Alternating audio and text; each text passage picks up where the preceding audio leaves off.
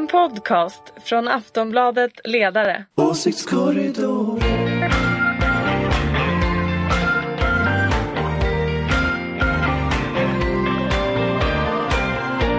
Välkomna till Åsiktskorridoren, eh, Aftonbladet ledarsidas podcast. Eh, jag heter Fredrik Virtanen. Du heter Ulrika Schenström, Jajamän. Jonna Sima, Jajamän. Anders Lindberg. Hej. Sistnämnda sossar, eh, Schenström moderat, jag eh, i det här fallet eh, lätt miljöpartist eller på Schenströms sida. Nej på min sida, jag tycker att du börjar ta dig faktiskt. Mm, ja absolut, vi ska snacka om några ämnen Riktigt vi... borgerlig numera. Ah, Gött ska det vara. Gött ska det vara. Det är torsdag när vi spelar in det här. Snart kommer Lions. Frimurarna. Nej det börjar light, det börjar light. Det börjar med Lions, sen- sen, sen- sen kommer Rotary. indragen. Sen, Den, den, ockulta högen liksom. Sen kommer vi hitta honom på sällskapet. Ja, det kommer det? Låter Ja, de mysigt. ja, just det. Jag inte det frimurarna, ännu he- hetare än frimurarna. Eh, Det här spelas in på torsdag lunchtid, eh, läggs ut på fredag så det som har hänt efter det här vet inte vi om. Nu så, ska vi börja kanske med eh, Jan Björklund, vad han har gjort sen sist? Jag har inte sett honom men jag är förvånad över att jag inte har sett honom i Rysslandsdiskussionerna. Sen måste jag också berätta att jag har blivit kontaktad av en lyssnare Trevligt. Som tycker att vi måste tillbaka till Hulta Bulta. Det här går inte längre. Ja, men vi Ah, måste ligger- kanske bevaka Björklund lite hårdare. Men vad jag vill säga om honom, vad som jag tycker är intressant, är att han har profilerat sig i en, en mjuk fråga. Det är man ändå ovan vid att eh, höra. Assistans, assistansersättning. Precis. Har han? Ja, Hultqvist har profilerat sig. han har ju verkligen gjort det. Han har ju debatterat mot eh, ja, eh, sossarna och... Nej, eh, Björklund menar du nu? Ja, Ja, Ja, ja, ja, okej. Jag men du, du Ja, är ja. lika förtjust i Hulta Ja, jag Bulta som jag. Han kände liksom, åh nu är vi äntligen Nej tillbaka men jag förstår att. Jan Björklund han försöker ju liksom fiska upp för det här är en gammal kär folkpartistisk reform från 90-talet som han nu vill eh, åka lite på. Och det har han gjort också. Han, de växte ju ganska mycket här i den senaste De har opinionsundersökningen. till och med massor med sådana här cirkulärartiklar i press runt om i landet från just Liberalerna just om den här frågan. Mm, nej, men jag vill applådera att han eh, faktiskt tar ställning i den här frågan. Ja, men det, Det är verkar kul att att de han, är för något annat än kärnvapen för någon gångs skull. Ja. Det är positivt. Ja, en mjuk fråga från Ja. betong till något annat. ja, men han är ju on a winning streak nu Björklund. Du kanske ska byta tillbaka till Hultqvist som håller på med sina Ja, det var bara den plåtschabrak. här listan jag lyssnade på och jag tänkte bara att nu levererar jag det här så får vi se vad vi gör av Men det. Hultqvist är mju- han är mysigare på något vis. Ja, I alla fall ja. Det är i alla fall roligare att få säga Hulta Bulta. Ja. ja vi får se då, men vi ska ju snacka, vi ska ju snacka om Hultqvist snart. Eh, när vi går in eh, i eh, militärhatten. Vi börjar med eh, unge herr Bromanders resor. Det är alltså infrastrukturminister Anna Johanssons statssekreterare Erik Bromander. Han har rest, eh, som det Mycket, verkar vidrigt. Han verkar verkligen ha, oj oj oj. För ja. 800 000 spänn sen eh, valet och han har även tagit traktamente när han liksom är på väg hem eller när han stannar kvar och sådär. Och eh, är det så? Har han, av, har han fått kicken nu? Ja, Ja det verkar så. Mm. Jag, jag måste ju dock säga så här i denna riskminimeringens eh, politiskt korrekta tid. Han är modig. Ja. Vilken kille! Ja verkligen. Och jag menar han har ju liksom som sagt flygit under radarn som man skulle kunna säga. Du vet han Business är class inte den dock. mest kända statssekreteraren, han är inte kabinettssekreterare, han är inte på statsrådsberedningen, han är inte budgetstatssekreterare utan han har liksom flygit lite under radarn där på näring och Men tänkt att, att massor med inbjudningar han bara Åh nej men absolut, jag och åker! att han var värd business class nästan varje gång tyckte han. Ja, helt bisarrt. Men vet du vad jag känner? Den där nyheten om honom dök ju inte bara upp som en liksom Nej, nej. hoppla hoppla utan han har väl liksom krävt vissa saker och tjänstemännen har blivit bara mer och mer arga och sen Någon har ringt DN. Ja. Ja, men det och måste sen bara, nästan vara jag så. står inte ut längre, jag ringer DN.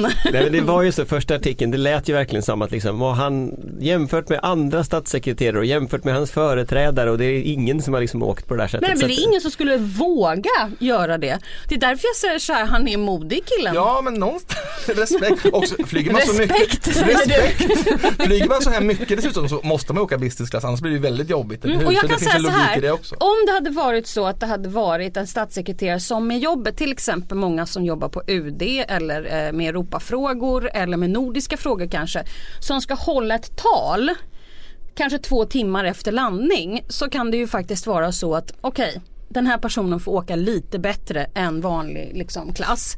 Därför att den, men han har ju inte hållit några tal. Han har ju liksom haft Han så här, åkt båt i privat Hongkong. strand och han. vet.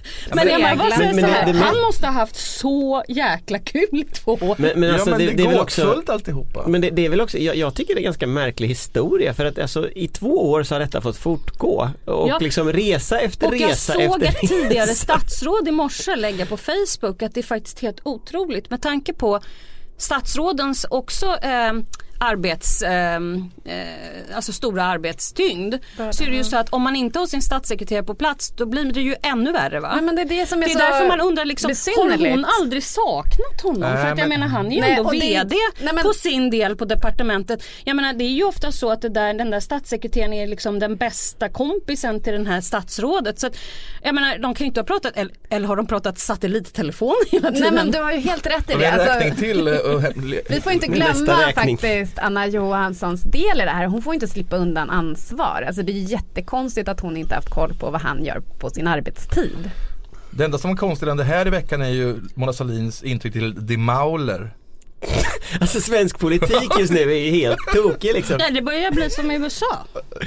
Inget innehåll, bara, bara sån Men, här. men det här intyget, jag, jag, jag har fortfarande inte fattat det här intyget till Di Maul. Liksom, det beror på att jag kan inte så mycket om sport. Så att, så att, Nej så, inte så, jag heller, det är därför Men- jag inte heller fattar vidden av det här. Men, men det Nej, är uppenbarligen känd i väldigt, väldigt stort har jag förstått. Eh, just att, liksom, Ja, hon att hon fick tydligen varit innan på gratisbiljetter också på något sätt. just det, var så det var. Dit. Ja, hon fick gå på en show eller vad det heter, en sån där match. Och, MMA-gala. ja. Eh, Han var tydligen mycket kriminell och fick inte komma in i USA. Men han Därför- hade därför- ett kriminellt record. Jonna kan detta Ja, ja, ja, men, från nej, men, eh, Berätta. nej, men jag kan det, nej, men han är ju den största inom svensk MMA och hon gillar MMA tydligen. Hon håller på med det själv, Mona Sahlin. Och sen åkte hon väl dit också med den här livvakten till USA och passade på att gå på en gala och orkar- fick gratisbiljetter genom att hon skrev kan- intyg. Var livvakten inblandad i det här med? Han var med som sällskap. Till vem? Till De Mauler eller till... eh, Men vad håller folk på med? Men hur kan det här ha blivit svensk politik? Ja, det här, de här tråkiga debatterna om så här vägsatsningar, det är också Berit Bromander för då, men alltså liksom, det tycker jag är svensk politik. Det här har ju liksom bara Alltså är det inte Sverigedemokraterna som har gjort något nytt konstig film av sig själva så är det sådana här saker liksom. Ja men det är sant. Men det är väl att det ja det, det här, nu är du inne på en stor djupt samhällsmedia problem här. Klickifieringen och skandaliseringen av samtal. Fast nu tycker jag ni banaliserar det. Det är ju ändå stora viktiga nyheter så att media rapporterar om. Ja, eh, absolut. Hur man behandlar, det. hanterar skattepengar eller hur man Ja, hanterar om, om folk visar lite bättre omdöme så kanske vi kunde rapportera om något annat. Ja, men, Exakt. Salin tycker jag man kan faktiskt släppa nu. Hon har ju sagt upp sig, slutat och alltså herregud. De får väl hitta någon annan och granska Ja, snart. det, det är faktiskt dags. Men den här Bromander kan vi bara, han måste väl ha förstått att det här förr eller senare skulle liksom någon skulle tänk, undra, ja, men titta här det är snart en miljon du har rest för här. Eh, menar, eller hur? Eller? Man, kan, man, kan, kan, man leva så här vidlyftigt utan att tro att man ska bli Det som påkommen? jag tycker är väldigt konstigt är ju att statssekreterarna har ju möten en gång i veckan där alla dyker upp och måste dyka upp och om man inte är på resa. Det finns ju Skype nu för tiden. Ja och jag tycker att det är lite konstigt för att Jag har ju också varit statssekreterare. Vi hade ju märkt ifall någon aldrig var där. Sossarna har så många personer. liksom. Nej men det är precis lika många så Ja. jag kan inte, det Men kan inte det också faktiskt. handla om att man tror att media liksom håller på med sådana här pseudonyheter så att man tror inte att man kommer bli granskad. Alltså om man ha, håller på med sådana vidlyftiga resor och beteenden. Att man tror inte det, liksom det ska komma upp till ytan. Men men alltså, eh, det är ju trots allt så att tjänstemän blir ju granskade hela tiden. Politiska tjänstemän blir ju det och det är ju, det är ju Alltså även politiskt sakkunniga och pressekreterare tror jag i regeringskansliet bör nog titta lite igenom vad de håller på med. För, att, för det är klart att, att om Det sitter ju naturligtvis jordens researchjobb på redaktionen nu går igenom alla statssekreterare vad de har gjort. Det är ju Självklart. så- det, så- det- jag det- menar det, en- kommer ju som ett brev ja. på posten. Nästa steg i det, det är att man tittar på politiska sekreterare, man tittar på politiskt sakkunniga, man tittar på pressekreterare och så vidare. Och, och det är klart att, att då ska man nog alltså då ska man nog städa i tid och inte göra sådana här saker.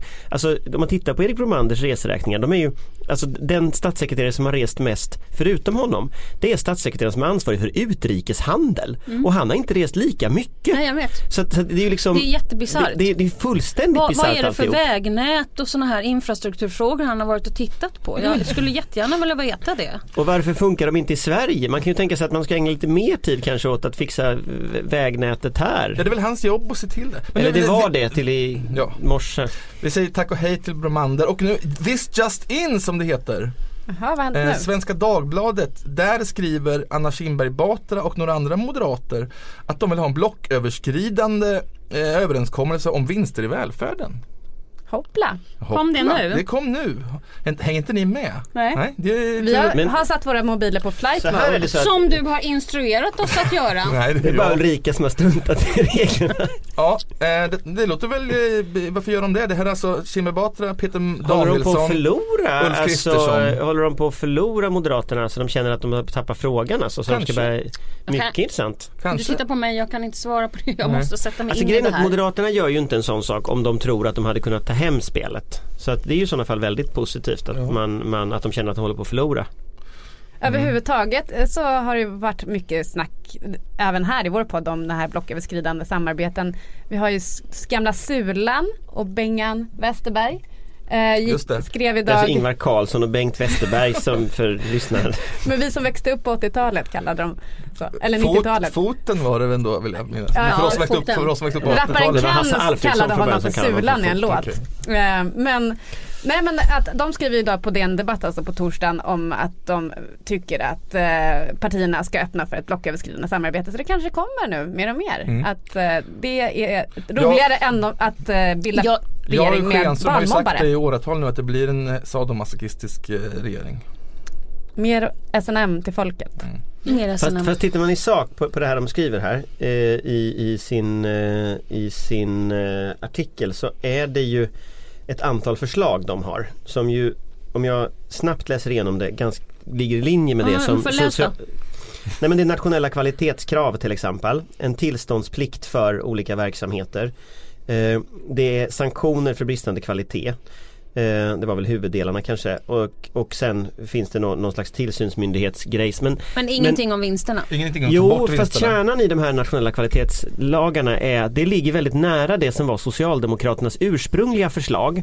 Eh, som faktiskt var ett förslag till nationella kvalitetslagar. Så att vad det ser ut som att Moderaterna gör det är att man försöker liksom hitta innan Repalus utredning, för den kommer vilken dag som helst. Alltså innan den utredningen kommer hitta ett förslag där man kan, kan komma till en gemensam, gemensam lösning och få bort frågan inför valet. Jag tror ju att Socialdemokraterna kommer att fundera så här att nu har Moderaterna traskat rätt länge i den där frågan. Eh, Socialdemokraterna har nog ganska mycket att vinna på att göra en valfråga av det här. Eh, sen är det naturligtvis på ett principiellt plan bättre med blocköverskridande överenskommelser i alla sådana där frågor. Eh, det är det ju. Men just i det här fallet undrar jag om inte liksom S har väldigt mycket att vinna på att det blir en valfråga. Så att jag, man får se, Jo, det spännande är att se hur de kanske svarar. det som Emma kommer på. För jag tror precis som du Anders att de kommer att vinna väldigt mycket på att ha en höger-vänster-fråga i, i valrörelsen. S alltså. Mm. Absolut, och det är hela planen Här försöker de eh, sticka hål på Så att den. de försöker sticka hål på den. Skickligt. Vi går vidare till en annan block. Det är blocket inom MP.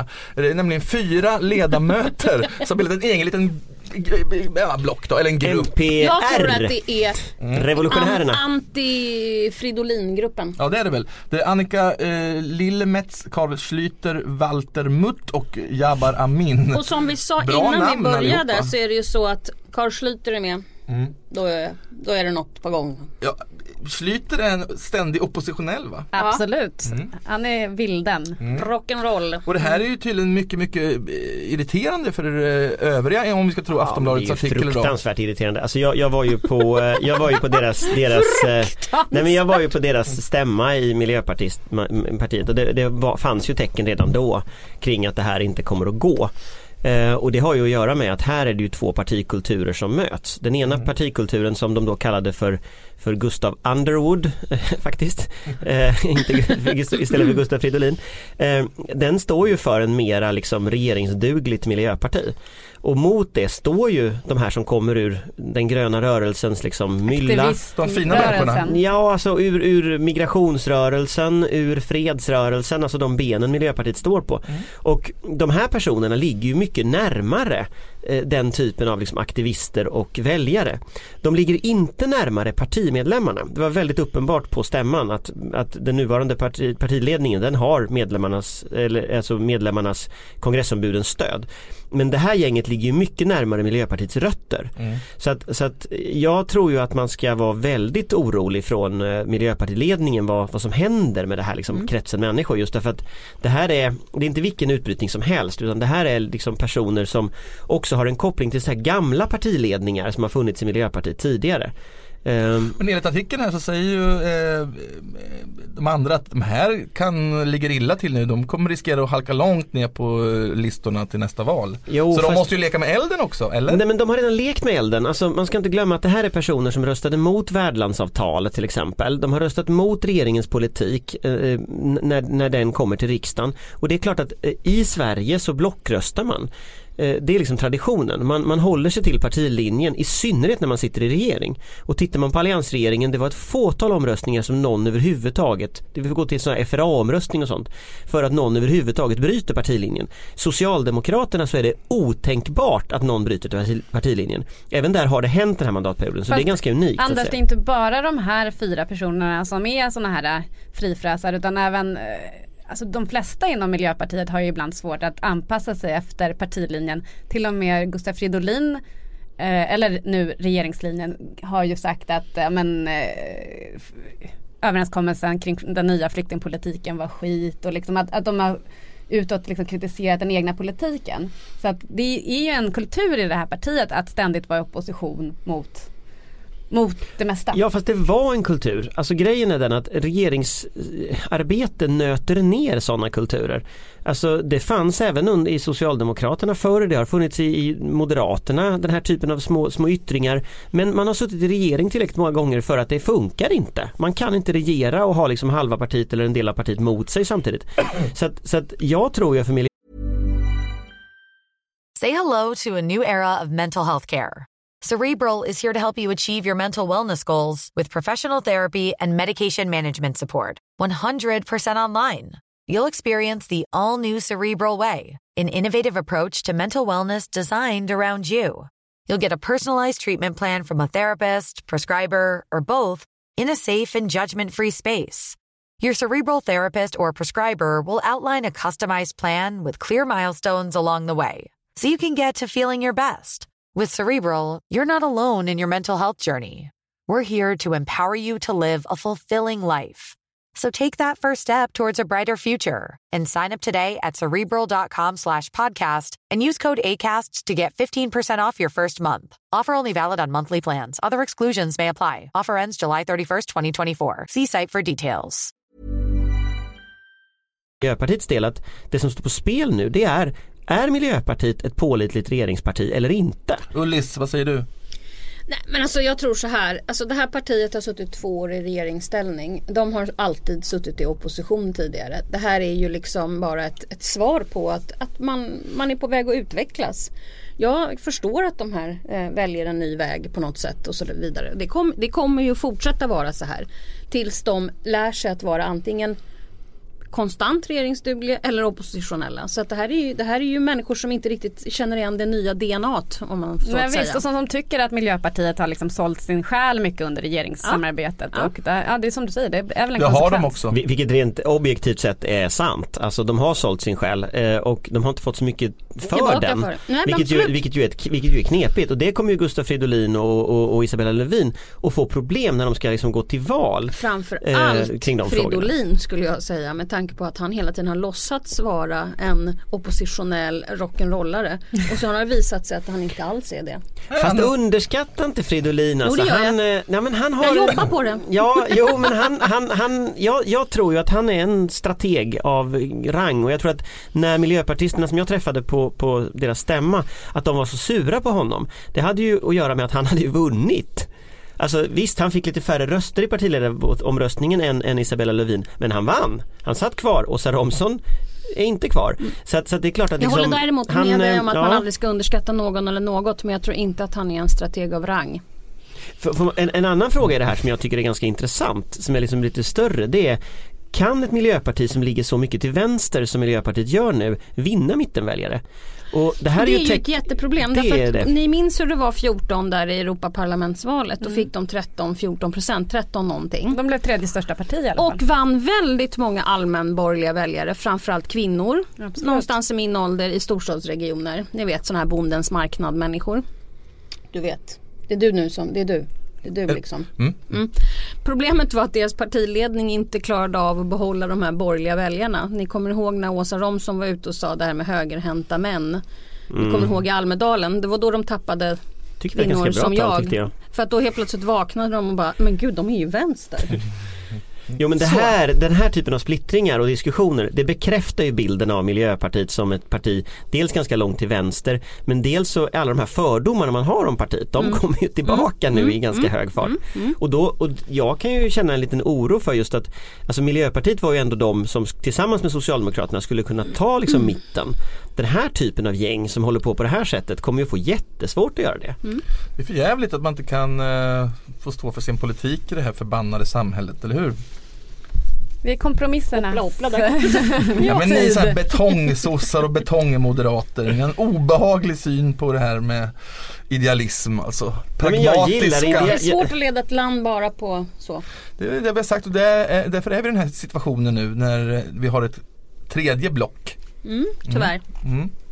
Vi pratar inte om dem. Fast det är nog inte Miljöpartiets fel faktiskt. Nej. Nej det är sossarna och moderaternas fel vad det jag sa. Ja, Ah. Det kan vara så att deras väljare tycker som partiet också. Det är finns en rädd sån, att det ligger mycket i det. det finns en sån Vi, vi går vidare tycker jag Ja. alltså. Ta dagens kväll. Du, du har, har du skelett på dig? Det är ju halloween snart. Det är halloween. Ja okej, ja det är det ja. Vi får en Jag har skelett alltså i öronen, örhängen som är form av skelett. Och äkta, äkta 24 karats guld är också såklart eftersom det är en moderat gäst vi har. Så tjusigt är det faktiskt inte men Är, är det guldskelett Ja, alltså? det är guld, guldskelett. Jag tycker de är underbara. Nu tar vi veckans garv. Vi snackar om eh, försvarspolitik igen. Det är som vanligt. Eh, något jävla angrepp från Ryssland som, som påstås komma igen för att någon vill ha mer pengar. Så nu sätter sig Anders i sin hummer Saab, ja. och börjar Här ska tillverkas mera vapen. Nej men de trappar väl bara upp hela tiden. De Ja, har det- något i Norge här nu och sen så kommer liksom de här eh, båtarna och sen ska det väl hålla på. Alltså jag bara undrar varför var Allan, Vi- Allan Widman ute igår och sa det är krig? Känns det Jag moget? tycker Allan Widman igår måste jag säga, alltså Al- Ja, men kan Allan du som är Widman- expert på de här grejerna, kan du förklara för mig varför går man ut och säger till svenska folket att det är krig? Eh, därför att man är folkpartist tror jag, eller liberal heter det. Men alltså jag, Stridspitten alltså. Nej, alltså jag tror, inte, jag tror inte bara det är det. Det är också dåligt omdöme. Det är liksom lite en kombination här tror jag. Alltså, Allan Widmans, alltså det, så här, det, finns ju en, för, det, alltså hela historien är ju att Ryssland placerar två stycken eh, två stycken eh, vet det, fartyg som, som kan utrustas med kärnvapen i Östersjön. Och det kommer förmodligen komma fler. Så att vad, man, vad som händer nu om man har tidigare placerat eh, vad heter det, kärnvapen i Kaliningrad. Vilket alltså innebär att vi kommer börjar få förmodligen komma fler. det kommer förmodligen komma fler ryska fartyg. Nej men det kommer förmodligen komma fler ryska fartyg. Och nu kom de här två igår kväll genom Stora Bält. Eller i förrgår kväll genom Stora Bält. Och då har Allan Widman tyckt att det här är ett bra tillfälle på att säga att nu ska Sverige gå med i NATO. Därför att samtidigt som detta sker så pågår NATOs toppmöte. Eh, Och NATOs toppmöte handlar bland annat om att placera ut 4000 soldater eh, i, i de baltiska staterna och i Polen. Så samtidigt som Ryssland gör detta så har NATO toppmöte och då tycker Allan Widman att det här var ett bra tillfälle. Sen spårar det här fullkomligt ur. Och eh, det var krig och det var, det var det ena med det andra med det tredje som inte har någon som helst koppling till att man, man vet ju att Ryssland gör detta. Det här är liksom ingenting nytt att man bygger upp liksom det militära runt Östersjön. Så, va? Eh, och då tycker jag att Allan Widman han försöker ta chansen göra en politisk poäng och det floppar ju liksom. Men Ja, gör inte ganska vår svenska ÖB det också i senaste Agenda att de håller liksom på krigshetsar eller eh, krigshetsar men det känns som att Nej man det blåser upp tycker jag inte men oron. det tycker jag inte att man gör utan, utan vad det handlar om är att Sverige har ju rustat ner under alltså 20 års tid och till en nivå, eh, förra ÖB sa ju det att Sverige kan försvaras i en vecka och så kallar han det det enveckas försvaret så att säga då. Det som nu, nuvarande ÖB gör, att han har liksom bytt strategi, han säger Nu har att vi 150 person, soldater på, på Gotland i alla fall. det är en del av det Mm. men, men det viktiga är ju liksom att man återinför värnplikt, att man, man börjar återigen öka försvarsutgifter och så vidare. Och det handlar ju om att på något sätt anpassa försvaret efter den hotbild som faktiskt finns. Och det är ju någonting som man började med 2015 så det är ju liksom, det är ju rätt nytt. Eh, så. Men det Allan Widman Men kan gör... inte du då berätta för mig bara och de som lyssnar nu. Eh, vi förstår att Allan eh, försöker göra en politisk poäng och, och, vinna på det. Det floppade, det kan nog alla inse. Eh, men vad är din bedömning då? Ska vi vara oroliga? Nej fråga inte det! Nu, nu kan jag ju prata en vecka om det. Anders kan ju inte sova om nätterna Men- av rädsla för att Putin ska komma. Nej, Men- och han ligger där med sin tropikhjälm i Snart sängen. kommer de små gröna Ja. männen till lilla Gotland. Det kommer utanför. robotbåtar. Men nu vill jag höra jag, en jag kort, tror, jag ett tror, kort svar. Ja, jag tror så här. Det stora problemet nu i Östersjön det är till exempel en sån sak som att man bygger ut den här nya gasledningen Nord Stream Mm. 2 som ju ökar Rysslands strategiska intressen på våran sida Östersjön. Ja men det förstår jag. Och så, och det, Men och det- ska vi vara det rädda här i Stockholm? Nej men det är ett problem. Ett annat problem det är att osäkerheten ökar därför att Putin har visat sig att inte respektera internationell rätt. Mm. Det tydligaste exemplet är att han har ockuperat och införlivat Krim men också att man ockuperar Ukraina, att man är inne och krigar i Georgien, att man är inne och krigar, att man har så här, så här kallade frusna konflikter längs hela den, eh, Rysslands gräns.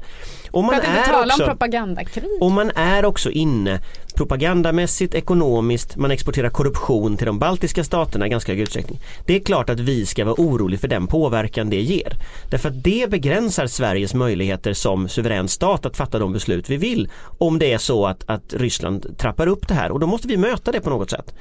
Eh, och det är inte bara att man, alltså, om du tar att nu har ryssarna hackat amerikanska presidentvalet för att Trump ska vinna. Det är den typen av förmåga som de använder. Det är en militär förmåga som man använder. Det är klart att nästa svenska val till exempel riskerar att hamna i precis samma läge. Eh, eller att liksom svenska företag som är aktiva riskerar att hamna, hamna i samma läge. Därför att i Ryssland så är just information, det är en del av liksom Ja, det var ett väldigt, väldigt, väldigt långt svar. Ja men att, att, att, att Putin vill destabilisera västvärldens demokratier, det är vi alla på det klara med. Att han vill invadera oss, Nej fast grejen är att det, Ah! det, här, det här är liksom det här, det här hopplösa att försöka diskutera Nej, hotet är inte en militär invasion av Sverige, det är ingen som tror det. Men däremot så är ett hot att man lånar pengar till Marine Le Pen, att man ger pengar till Ja, svenska definitivt nazister, vidrigt. att man stödjer liksom en, krafter som Brexit till exempel. Mm, och vad gör, vad gör vi åt det då? gå med i NATO. nej det gör vi inte. Därför att, därför att det svarar sida. inte på något. Men det svarar, det här är också mm, idiotdebatten om NATO. NATO svarar inte på det här hotet. NATO kan inte hantera att man hackar eh, Demokraternas mailserver. Det är inte det NATO kan. Utan då krävs det samarbete med polis, militär kanske i vissa fall. Det handlar om att man kanske ska fundera på en egen, eh, ett egen informationskrig, hur man ska hantera det. USA, jag såg att ryska UDs hemsida blev ju hackat nu för några dagar sedan. Det är uppenbarligen USA som då, de la en sån här liten eh, narrgubbe på hemsidan. Alltså det är klart att, att du behöver ha massa andra sådana instrument. Men sen är det, och det kommer man tillbaka till, den främsta försvarslinjen det är diplomatin. Mm.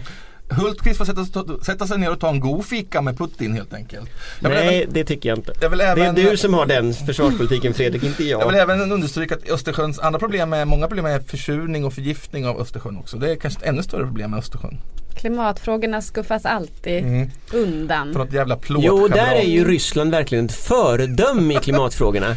Ingen försvarar... Dina kompisar där på andra sidan Östersjön, de är verkligen ett fantastiskt föredöme. Menar du Finland nu? Min- Mina vänner. Nej, De ryska- är ett föredöme. Okej, så vad kommer vi fram till? Det är fortfarande ett hot från Ryssland. Eh, men ingen invasion är förestående. Det är ingen som tror att en militär invasion av Sverige är Det förestående. låter så. Sluta och p- p- klicka på klockan Ulrika. Nej det är bara det att ni, ja. Vi ska prata om LSS också, eller hur? För det har ju varit en, eh, Åsa Regnér har ju eh, vissa problem i den här frågan. Den, då, eh, alltså assistansersättningen, det ska bort. Dras ner i alla fall Ja, och det, det verkar ju nästan som att det ska bort.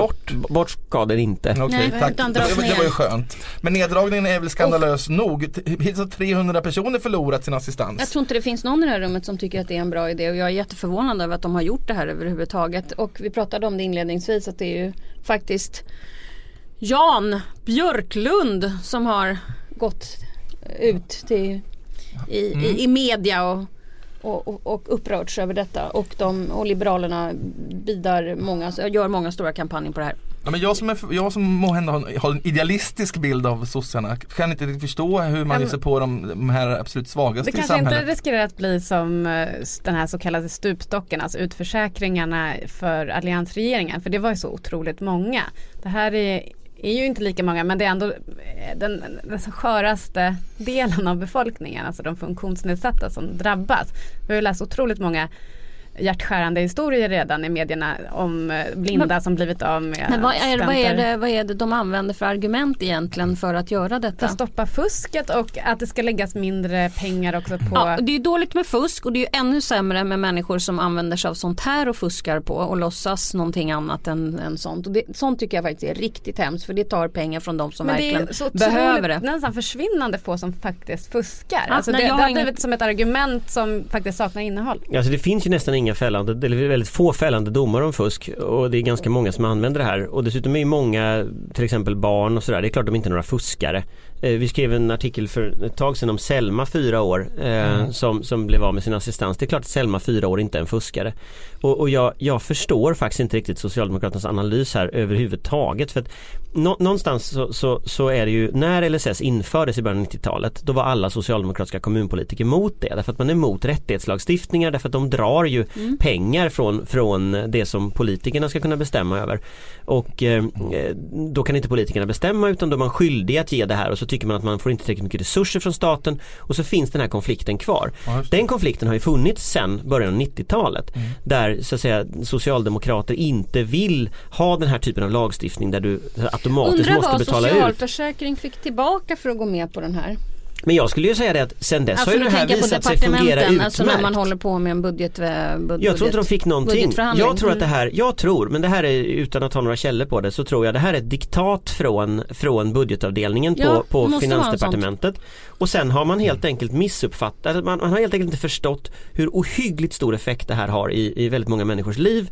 Och så, så, så här, ser man på något sätt framför sig att man ska kunna spara pengar på det här. Det känns nämligen Och det- inte, och det är ganska mycket inte pengar som de har suttit där och bara ah det här är en strategi vi måste gå, gå tillväga. Utan jag tror faktiskt lite grann Anders att det kan vara så. Det har liksom någonstans fallit mellan lite stolar där Men är tanken då att, eh, på, på, i budgetförhandlingen. att fruar och makar ska ta hand om det här jobbet då istället? Eller hur skulle det Det lösas? blir ju så. Det blir Det, det är ju Ja, effekten av det. Det blir det, eller hur? Ja. Så, så, så tittar man över tid så kan man säga Och att förr så, så bodde man på institutionsboenden. Sen införde man den här frihetsreformen så att människor kunde vara tillsammans med sina anhöriga och leva ett normalt liv.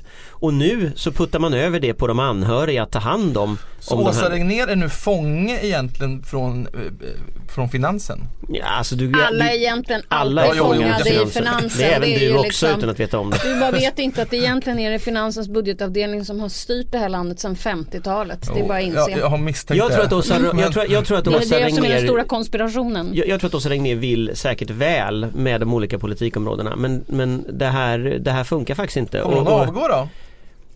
Alltså ska hon gå till val, ska Socialdemokraterna försöka gå till val med den här LSS-politiken så kommer det ju att bli en, en, då kommer ju hela valrörelsen att bli kantad av enskilda fall som kommer att komma upp där folk har förlorat sin assistans.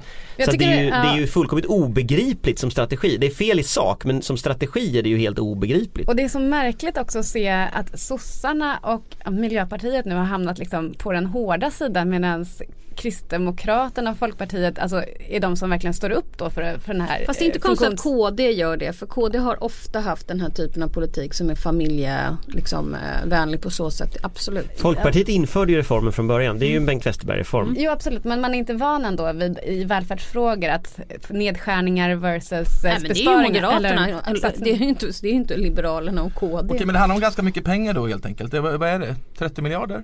Ja nu är det det. Och det, det, är ju ett, det är ju ett av de argumenten som man använder från Socialdemokraterna. Att när man från början tog fram reformen i början av 90-talet då var ju det väsentligt mi- mindre pengar.